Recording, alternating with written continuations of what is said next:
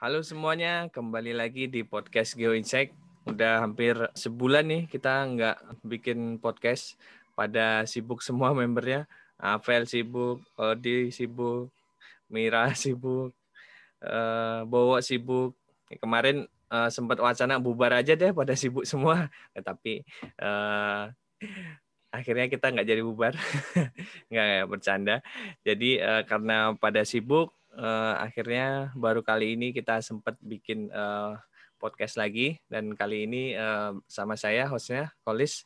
Dan di episode kali ini uh, kita ngajak ngobrol seorang uh, geos muda yang telah sukses membuat uh, suatu ya kalau orang lain lihat itu sebuah media, sebuah media mungkin nanti kita uh, tanya lebih dalamnya.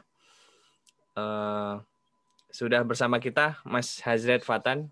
Halo, ya, Hazret. Ya, halo Mas Solis. Ya, salam kenal juga nih untuk teman-teman dari Geo Insight semua ya. Iya. Thank you Bro Hazret udah uh, mau main-main di podcastnya Geo Insight. Jadi uh, Hazret ini udah udah lama kita nggak ketemu ya Hazret ya. Mungkin udah lama setahun lebih mungkin ya. Dua tahun mungkin mas nggak ketemu. Di Palembang kayaknya terakhir ya. Iya iya. Waktu ada seminar bareng. Oke. Okay. Uh, ha, Hazret ini uh, teman-teman dia bikin namanya uh, dunia tambang.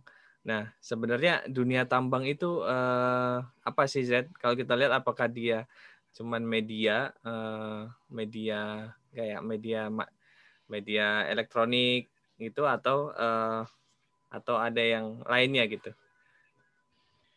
Oke, mungkin juga terima kasih uh, GeoInsect udah mau mengundang uh, saya untuk perwakilan dari dunia tambang ya.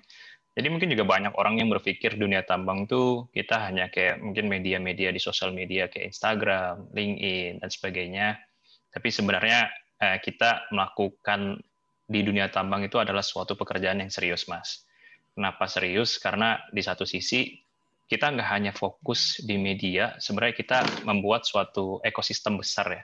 Kita membuat suatu ekosistem besar uh, media, memang, memang khususnya di pertambangan.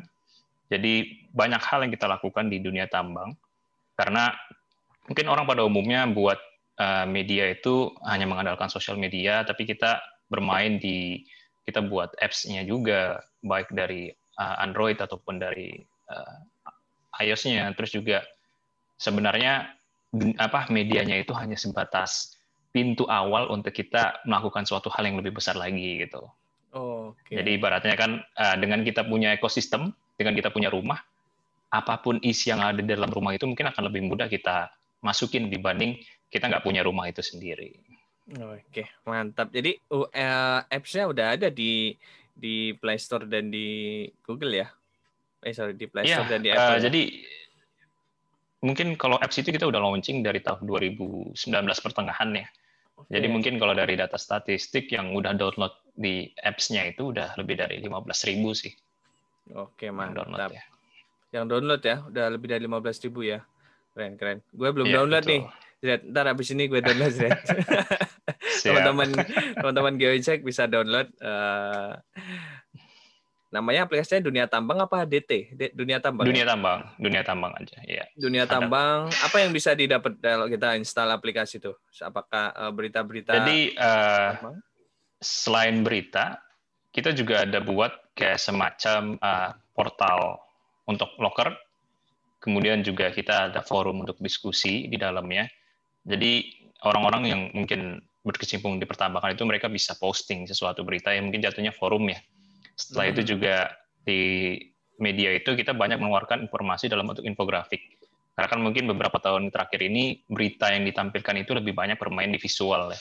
Jadi yeah. mungkin dengan ada perubahan tren yang dulu lebih banyak uh, bermain di teks, sekarang teksnya kita kurangin, tapi kita lebih banyakin main di uh, visual. Jadi juga beritanya itu biasanya dalam bentuk infografik, mungkin terdiri dari empat atau lima uh, flyer ya ataupun poster. Jadi orang bacanya tinggal kayak semacam di swipe aja gitu. Hmm, Mungkin ya, juga ya. itu yang lebih orang lebih senang dibanding kalau kita hanya teks biasa banyak penuh gitu ya. Apalagi mungkin font-font seperti Time News Roman, terus Arial mungkin itu udah sedikit jenuh lah. Mm -mm. Makanya yang kita ubah adalah bagaimana menampilkan suatu informasi itu lebih mudah diterima. Ke visual ya, oke. Artinya uh, 15 uh, ribu download uh, di Instagram juga 15 hampir 16 ribu ya Z kalau nggak salah ya followersnya. Iya hampir ya hampir 17 ribu. Artinya kan ini udah udah termasuk Mungkin, gede, gede banget nih dunia tambang Z. Nah itu uh, ya. yang yang bikin awalnya uh, Hazret sendiri apa ada teman-teman yang lainnya sih? Ya, jadi uh, mungkin sampai saat ini total tim kita ini ada 9 orang ya. Jadi awalnya saya itu berdua. Ada co-founder saya, dan dari berdua itu uh, yang pertama kita lakukan adalah mencari seorang engineer gitu. Mungkin software developer ya. Karena kan memang kita nanti outputnya itu dalam suatu sistem. Nggak mungkin saya seorang geolog ataupun seorang mining punya kemampuan yang bisa langsung buat aplikasi karena kan itu text time lah. Jadi ya. ibaratnya kita meng-hire orang. Dan uh, mungkin juga sebenarnya segmen kita tuh lebih banyak pengguna sosial media di LinkedIn. Jadi mungkin untuk saat ini follower kita tuh kalau di LinkedIn sudah sampai 38 ribu dan itu terus growth. Jadi mungkin hmm. per minggu itu kita ada penambahan sekitar 500 sampai 1000 orang. Oke, karena ada info-info lowongan juga di di dunia tambang ya. Betul, betul, betul. Iya, iya, iya. Ya. Teman-teman yang uh, enggak lowongannya apa terbatas di tambang apa dunia uh, ada karena migas? kita Ya, karena memang kita dari awal itu pengen jadi segmented ya. Karena kalau misalnya kita kayak media pada umumnya, kita nggak ada keunggulan nih mas. Hmm, Jadi kita ya, ya berusaha ya, ya. untuk leading di satu sektor aja. Karena kalau misalnya kita bermain di seluruh sektor, intinya nanti nggak ada keunggulan di kita. Oke, ya ya ya, setuju setuju. Ya teman-teman ya. yang uh, mau cari info-info lowongan di dunia tambang nih bisa uh, lihat-lihat di LinkedIn-nya dunia tambang atau tadi install uh, aplikasinya ya. Oke. Oh ya, awalnya betul. dulu uh, berdua ya, habis eh, sesama berdua, G, sesama Geos juga atau? Uh, mining, Mungkin. mining, mining oh, engineer. Oh oke. Okay. Oh, mining sekarang akhirnya bersembilan ya. Sembilan ini punya background yang beda-beda berarti sekarang. Sekarang ada yang beda-beda betul. App developer, ada yang mungkin uh, ada. website. Oke. Okay. Ada, ada. Oke, mantap mantap. So, uh, dari dua sampai ke sembilan tuh berapa berapa tahun uh, grow-nya? Prosesnya ya. ya. Jadi mungkin di tahun pertama kurang lebih itu kita hanya di lima orang. Hmm. Tahun pertama kita lima orang ya. Di mana mungkin saya dan teman saya itu biasanya saya juga merangkap sebagai mungkin ngediting juga ya. Saya ngedit, terus juga bikin flyer, bikin konten artikel. Ibaratnya kan karena uh, semua pekerjaan itu nggak mungkin kita uh, bagi-bagi. Intinya kita harus bisa melakukan semua hal kan. Jadi intinya pekerjaan-pekerjaan yang berkaitan dengan media kita lakukan sendiri dan memang yang fokus berkaitan dengan developer ya akan difokuskan oleh mereka gitu. Jadi ibaratnya lebih ke bagaimana kita dari seorang geolog sama mining engineer itu kita bikin konten material dan kita kirimlah ke teman-teman gitu. Memang awalnya itu orang berpikir dunia tambang tuh hanya kayak semacam sosial media yang hanya membuat uh, gambar-gambar gitu ya ataupun ya. Uh, berita-berita. Tapi makin ke sini orang makin berpikir oh kayaknya makin banyak nih kayak diversifikasi dari apa yang dilakukan oleh dunia tambang. Dan dari tahun pertama kita lima orang, dan tahun berikutnya di tahun kedua mungkin kita bertambah sekitar dua orang ya, karena kita lihat kebutuhan kita nggak mungkin lagi saya terus in charge di eh, bidang-bidang uh, konten, dan kita mungkin lebih banyak uh, sebagai seorang lead tim, mungkin kita lebih banyak berpikir untuk uh, scale up kan. Makanya kita yeah. lebih banyak program-program strategis bagaimana kita ketemu orang, terus juga kita minta masukan, terus kita coba trial sistem kita. Intinya mungkin lebih banyak uh, saya dan teman saya itu keliling, kita bagaimana meminta masukan dari orang-orang lah, baik di, di asosiasi profesi, di mining owner, mining contractor, dan kita pengen tahu nih, kira-kira problem terbesar di pertambangan itu di seg, apa di segmen apa sih, ataupun di bagian mana gitu, dan itu yang pengen kita pecahkan. Jadi uh, sebenarnya Kenapa kita bikin media itu?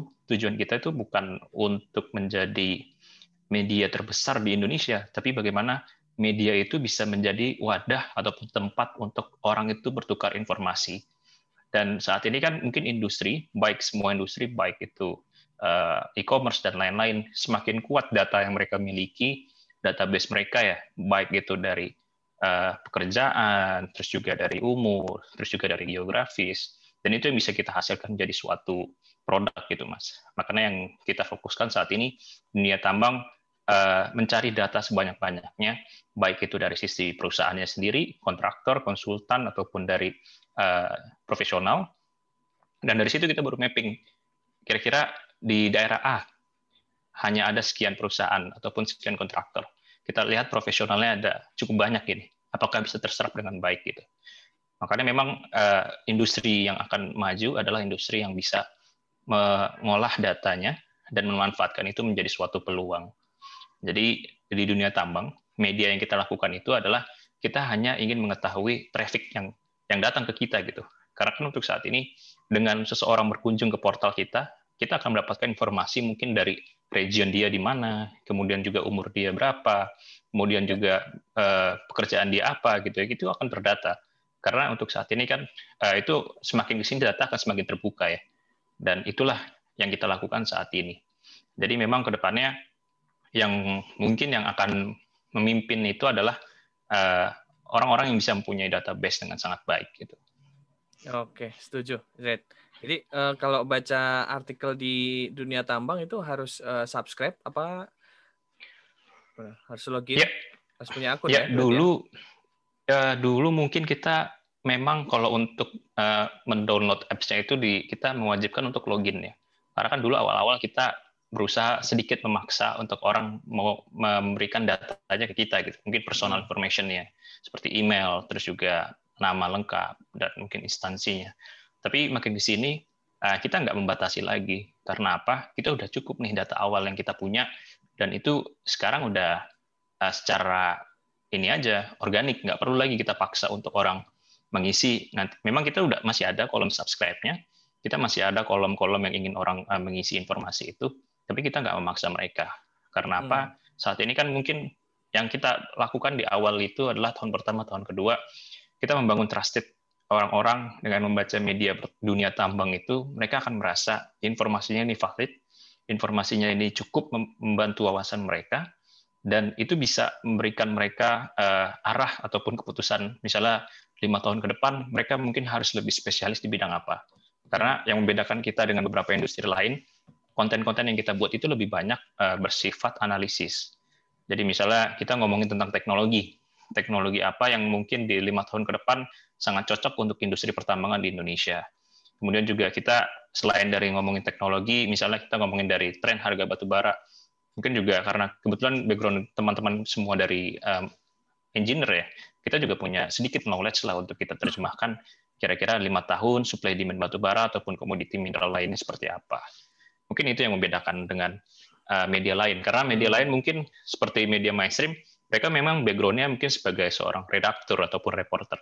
Tapi kemampuan mereka untuk uh, dari industri itu kan lama prosesnya gitu mas. Mm -hmm. Tapi kalau kita kan memang yeah. berangkat dari seorang uh, yang bekerja di industri itu, tapi kita berusaha belajar menjadi seorang jurnalis. Iya, iya. Artinya uh, kalian kan uh, berprofesi sebagai geologis ya, dan ya, saat ya. ini masih kerja sebagai geologis juga nggak? Apa full di ya. dunia tambang? Masih, masih. Jadi nah, kita ada masih aktif. Kan masih masih aktif kerja juga nih, Zred. Sedangkan ya. uh, kayak tadi yang dibilang kalau media-media lain ya itu kan uh, mereka udah pekerjaannya emang buat buat buat nulis gitu kan buat yeah. Ya. uh, mencari data gitu nah kalau teman-teman kan uh, secara teknikal dan uh, mungkin sebelumnya belum punya kemampuan untuk uh, nulis gitu nah gimana uh, cara kalian untuk uh, menerjemahkan itu ke berita yang uh, mungkin gampang dimengerti orang gitu baik ya jadi uh, mungkin saat ini adalah Eh, kita mencoba membuat suatu informasi itu menjadi suatu artikel populer ya istilahnya sekarang. Ya. Jadi dengan artikel populer itu mungkin ada istilah-istilah yang menggunakan bahasa kebumian itu kita coba ganti menjadi suatu yang lebih mudah dicerna. Kemudian juga yang kita lakukan adalah kita juga sering melakukan uh, seperti membandingkan ya. Kita berkunjung ke beberapa portal-portal yang kita uh, gunakan sebagai benchmark kita dulu. Misalnya portal luar, baik misalnya kayak mining.com ataupun beberapa portal lainnya, dan kita lihat bahasa-bahasa yang mereka sampaikan itu seperti apa. Sebenarnya juga kita sering belajar, kita sering berkunjung ke beberapa media pertambangan juga di Indonesia, mungkin ada beberapa media yang sudah umurnya 15 tahun dan 20 tahun, kita belajar dan kita lihat, oh rupanya informasi yang mereka sampaikan itu nggak perlu sampai misalnya menjelaskan secara detail ya, karena itu nggak dibutuhkan oleh orang-orang. Orang-orang cuma butuh mungkin sebatas tahun ini kebutuhan batu bara sekian. Nah, hmm. Apalagi mungkin yang bermain dengan uh, main mungkin trading ataupun uh, saham ya, mereka juga akan berpikir kira-kira dengan saya memasukkan uang sekian di perusahaan ataupun di entity ini, apakah akan naik akan turun gitu. Jadi memang saat ini banyak orang-orang yang berkunjung ke dunia tambang itu selain mereka mencari berita, tapi mereka juga mencari uh, dasar untuk mereka nanti berinvestasi gitu. Karena juga udah beberapa media-media pertambangan yang kita post informasinya itu rupanya berdampak kepada keputusan mereka. Dan mungkin juga apa yang kita tulis itu nggak hanya sebatas news. Jadi kan kalau misalnya news ada regulasi terbaru baru keluar udah selesai yeah. gitu.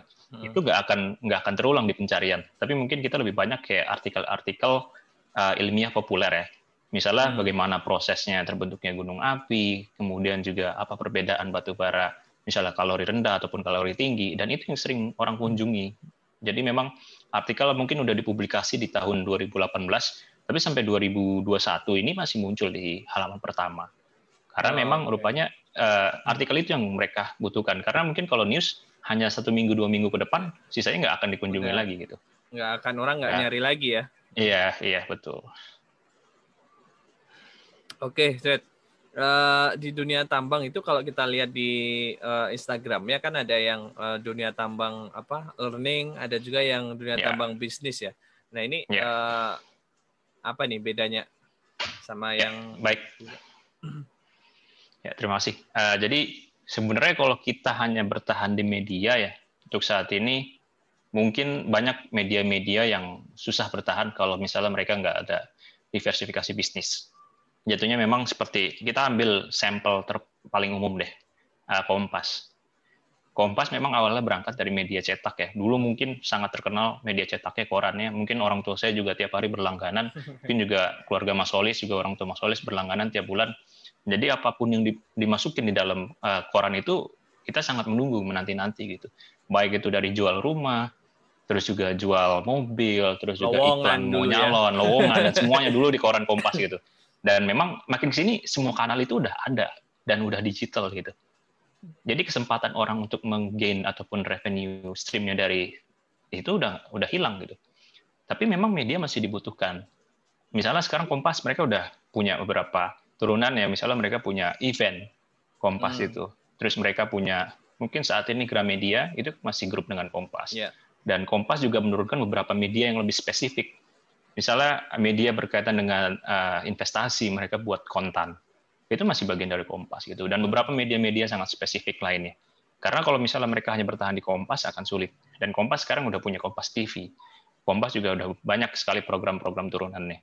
Intinya media itu hanya pintu awal untuk mengenalkan suatu produk ataupun suatu yang ingin kita jual gitu. Makanya di dunia tambang tahun pertama, tahun kedua memang tujuan kita adalah kita bangun trusted, kita bangun kepercayaan. Tapi memang kalau misalnya kita hanya bertahan di media, mungkin teman-teman nggak akan bisa bertahan sampai saat ini gitu. Karena kan kita butuh cash flow juga. Yeah. Akhirnya di tahun ketiga ini kita coba menurunkan dari media itu menjadi suatu produk lainnya. Jadi di dunia tambang bisnis itu sebenarnya kita jatuhnya lebih ke software developer juga. Kita mengembangkan suatu sistem uh, bertambangan, mungkin berkaitan dengan digitalisasi ya, bagaimana kita bisa menginput data produksi secara real time dan uh, mungkin berkaitan dengan data field management dan sebagainya. Kemudian juga di sini data learning. Uh, sebenarnya data learning itu konsepnya seperti Udemy ataupun mungkin di Indonesia itu kayak Skill Academy dan sebagainya. Yeah. Tapi memang kita concern di tambang. Bagaimana uh, kita pengen berusaha itu lebih uh, banyak ya. Sebenarnya juga kita dulu sempat ingin membuat kayak marketplace lah atau e-commerce khusus untuk pertambangan. Tapi kita lihat untuk saat ini sangat sulit ya, karena misalnya kayak kita mau jual batu bara, misalnya 5.000 ton, kita jual batu bara harus ada survei, join hmm. survei, hmm. kemudian juga uh, kita harus ngitung cost untuk shipmentnya, kemudian juga kita lihat regulasinya, harganya berubah secara fluktuatif, dan kayaknya nggak mungkin kalau misalnya kita terapkan itu untuk uh, batu bara ya, apalagi misalnya kayak jual beli wilayah konsesi ya itu nggak mungkin juga kita pakai di e-commerce ya. Jadi kita berpikir oh kayaknya nggak nggak masuk akal juga kalau misalnya kita lakukan di situ.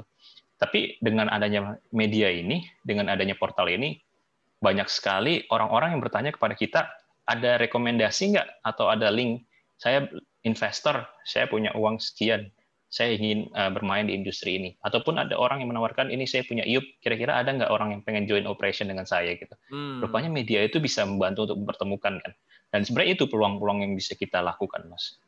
Oke, artinya udah sampai se sejauh itu ya Z-nya dunia tambang ya, yeah. sampai ada yeah. kalau siapa yang punya uang ini aku mau beli uh, uh, yeah. Apa di mana nih tempatnya gitu ya. Oke, apa yeah. itu yang tadi itu termasuk uh, visinya dunia tambang ke depan Z mempunyya yeah. uh, jadi bisnis lainnya gitu. Ya, betul Mas. Jadi memang kita perlu diversifikasi bisnis ya. Dan poin berikutnya adalah uh, kita harus sering-sering pivot ya kita harus sering-sering ganti model bisnis. Karena kalau misalnya kita terlalu kaku, karena kan industri sekarang sangat uh, dinamis, volatil ya, dinamis lah, hmm. mudah berubah. Kalau misalnya kita hanya kaku, misalnya kita hanya bertahan di media, kita udah dua tahun, kita udah ngeluarin uang sekian, tapi kok nggak ada pemasukan, uang kita makin habis gitu, ya otomatis kita harus berpikir yang lain gitu. Makanya seperti contohnya uh, uh, dulu buka lapak kan pertama kali itu hanya untuk uh, sepeda ya, jual beli sepeda. Tapi rupanya dengan potensi pasar yang besar menggantilah menjadi produk yang lain. Dan misalnya kita ngambil sampel seperti Gojek dulu mungkin hanya transportasi aja. Untuk motor lah dulu pertama kali kan launching untuk motor. Yeah. Mungkin di sini ada mobil, ada untuk dulu sempat ada GoClean tapi sekarang udah hilang. Terus juga sekarang ada GoBox, GoSend dan sebagainya. Memang sekarang semuanya harus, ya. Iya, semuanya gitu ya. Jadi one stop solution di satu sistem itu perlu gitu. Oh, yeah. Makanya memang kita pengen melakukan hal sama tapi memang kita spesifik di industri pertambangan.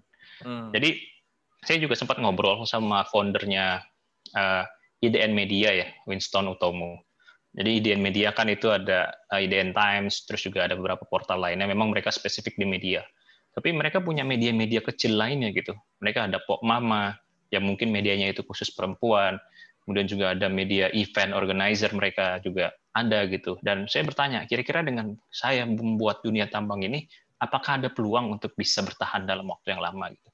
Dia bilang ada karena kamu mempunyai eh, saingan yang sangat sedikit gitu. Karena yang bermain di media pertambangan ini kan mungkin kita bisa tahu, kita bisa lihat gitu mapping. Sedangkan kalau misalnya kita main di industri atau media mainstream, kita udah ada Detik, Kompas, terus juga ada hmm. Tirto, Kumparan.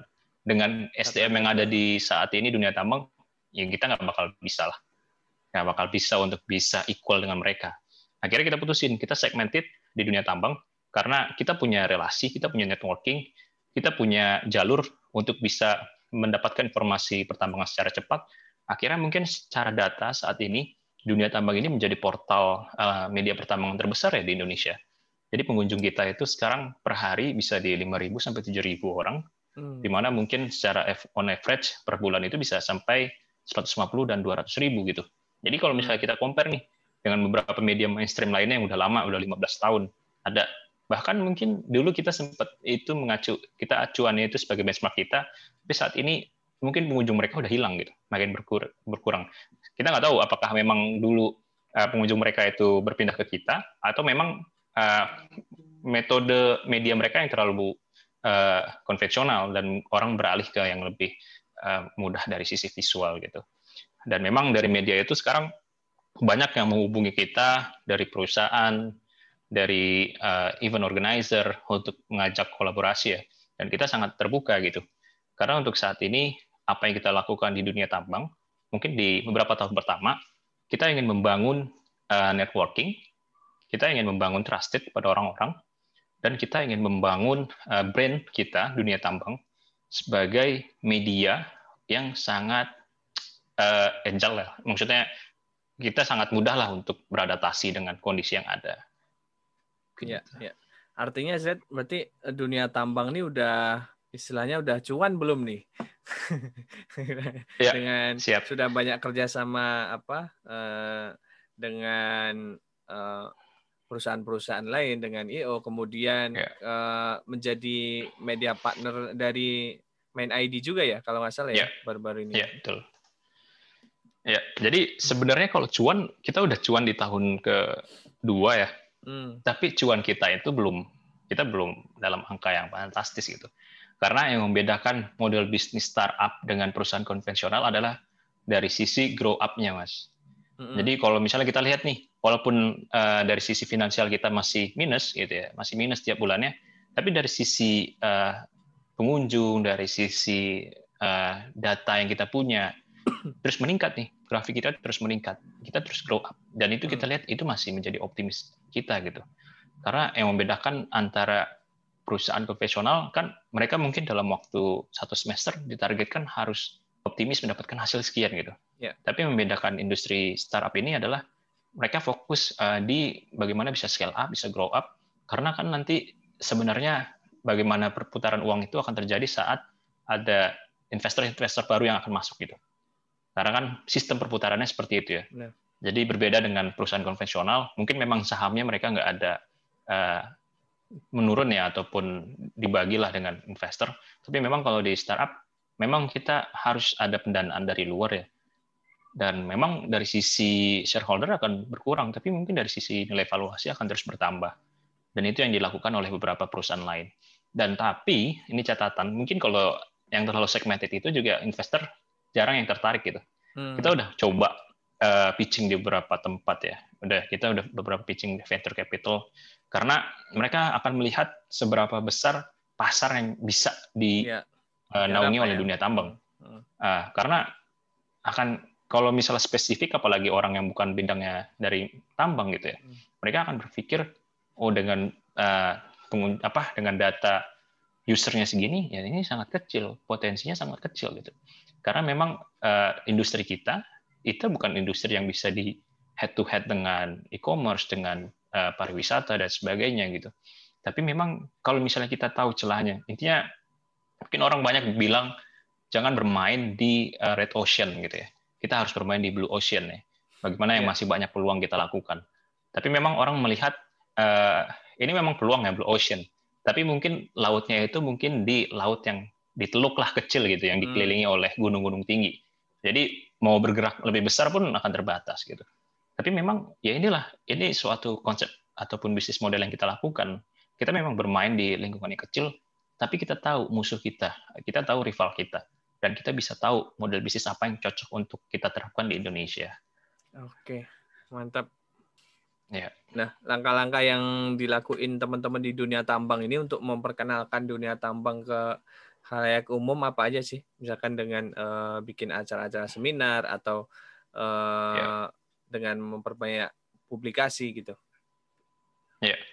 Jadi uh, cara kita untuk mengenalkan dunia tambang itu uh, yang pertama kita lakukan adalah kita membangun komunitas ya. Jadi komunitas itu rupanya sangat penting ya. Baik itu komunitas skala besar ataupun skala kecil, mungkin kita masuknya ke skala kecil. Jadi awalnya kita buat dulu nih, Mas Solis. Kita awalnya berangkat dari buat grup, mungkin grup Facebook gitu ya. Hmm. Terus kita buat uh, grup di LinkedIn. Terus juga mungkin uh, kita buat grup-grup lainnya di WhatsApp, di Telegram. Dari grup itulah kita men-share informasi kita gitu. Mungkin stepnya seperti itu ya. Dari grup itu kita share dan kita share, rupanya orang tertarik nih. Dan apa kalau misalnya memang bagus, itu akan auto forward gitu ya. Jadi yang baca merasa penting, ini di forward ke temannya. Temannya nge-forward ke yang lain. Ibaratnya kita hanya mengunci mungkin 100 orang yang kita uh, pikir ini akan menjadi mungkin seperti agent kita ya untuk menyebarkan informasi. Mungkin 100 orang itu bisa capai kenanya di 5.000 orang atau 1.000 orang gitu ya di share terus kan karena memang sangat bagus informasinya jadi memang stepnya kita bangun komunitas dulu komunitas kecil tapi saat ini komunitas kita udah besar nih jadi mungkin kita nggak perlu lagi strategi seperti itu intinya bagaimana kita maintain komunitas besar kita ini mereka akan terus berkunjung ke website kita apalagi mungkin kalau misalnya kita lihat di statistik ataupun di data analitik kita mungkin eh, misalnya dari 100% itu 70% yang mengunjungi website dunia tambang itu adalah user baru tiap harinya gitu. Hmm. Jadi orang ada beberapa media mainstream dari 100% mungkin 60% atau 70%-nya itu orang yang sama gitu. Hmm. Intinya repeat. Tapi kalau kita beda, kita orang yang baru terus gitu. Kenapa? Karena memang informasi yang kita sampaikan tuh yang tadi artikel populer karena misalnya kayak jenis-jenis gunung api mungkin yang berkunjung nggak hanya orang geolog gitu Mungkin yeah. orang yang mau mendaki gunung, dia butuh informasi ini. Terus juga orang-orang lain dia butuh informasinya. Jadi memang kita media selain untuk miner, tapi untuk untuk non miner juga bisa. Oke, artinya uh, saat ini teman-teman uh, dunia tambang udah sangat uh, berkembang, sudah skalanya sudah jauh lebih uh, luas, merambah tempat-tempat uh, yang tadinya mungkin uh, tidak bisa masuk ke situ, sekarang udah lebih besar, udah yeah. lebih banyak komunitasnya, pengunjung di uh, websitenya lebih banyak, uh, yang download yeah. aplikasinya juga sekarang udah lebih banyak. Mungkin teman-teman uh, yang mau membaca-baca artikel tentang uh, pertambangan ataupun mau yeah. scale up uh, tentang apa aja yang mau dipelajari di dunia tambang ini bisa berarti buat teman-teman yang baru mau masuk kuliah ini kan sekarang kan baru pada mau masuk kuliah nih Zed ya mungkin yeah. mau masuk yeah. ke tam, mau masuk ke pertambangan baca-baca dulu deh di dunia tambang gitu ke depannya uh, gimana buat mahasiswa-mahasiswa juga artinya ini pu sebenarnya punya uh, apa jangkauan yang luas juga sebenarnya dunia tambang yeah, ya. Betul. betul. Oke, semoga uh, dunia tambang makin uh, berkibar nih Z. Uh, Amin. Yeah. Senang banget uh, dunia tambang ini karena uh, di main behind itu orang-orang anak-anak muda itu. Yang lain tuh yeah. anak-anak muda kan? Iya, iya. Seumuran semua Oke, oh, mantap. Yeah. Dan teman-teman bisa follow Instagramnya Dunia Tambang ya, Z. Di mana, Z? Betul. Di duniatambang.co.id. Oke, link ini juga sama ya? Ya, link ini ya, mungkin ya, bisa ya. di search aja Dunia Tambang dan nanti lari ke Oke. platform kita. Jangan lupa juga download uh, aplikasinya ya. Betul, betul. Di iOS ataupun di Android ya. Oke. Makasih banyak uh, Hazret Fatan udah sharing tentang uh, dunia tambang ya. uh, di podcastnya GeoInsect teman-teman bisa dengerin juga uh, episode lainnya di Spotify at GeoInsectID. Follow juga Instagram kami at GeoInsectID. Oke, okay, thank you Hazet. Sampai Oke, okay, thank you. Uh, Terima kasih Mas Polis dan yeah. tim GeoInsect yang udah mau mengundang dunia tambang ya untuk sharing-sharing. Oke, okay. yeah. semoga nanti ke depannya yeah. kita bisa ada hal-hal uh, lain yang bisa kita uh, kerjain bareng lah ya. Setuju banget. Oke. Okay. Oke, teman-teman, sampai ketemu lagi di podcast episode selanjutnya. Bye bye. Bye bye. Ya, dadah.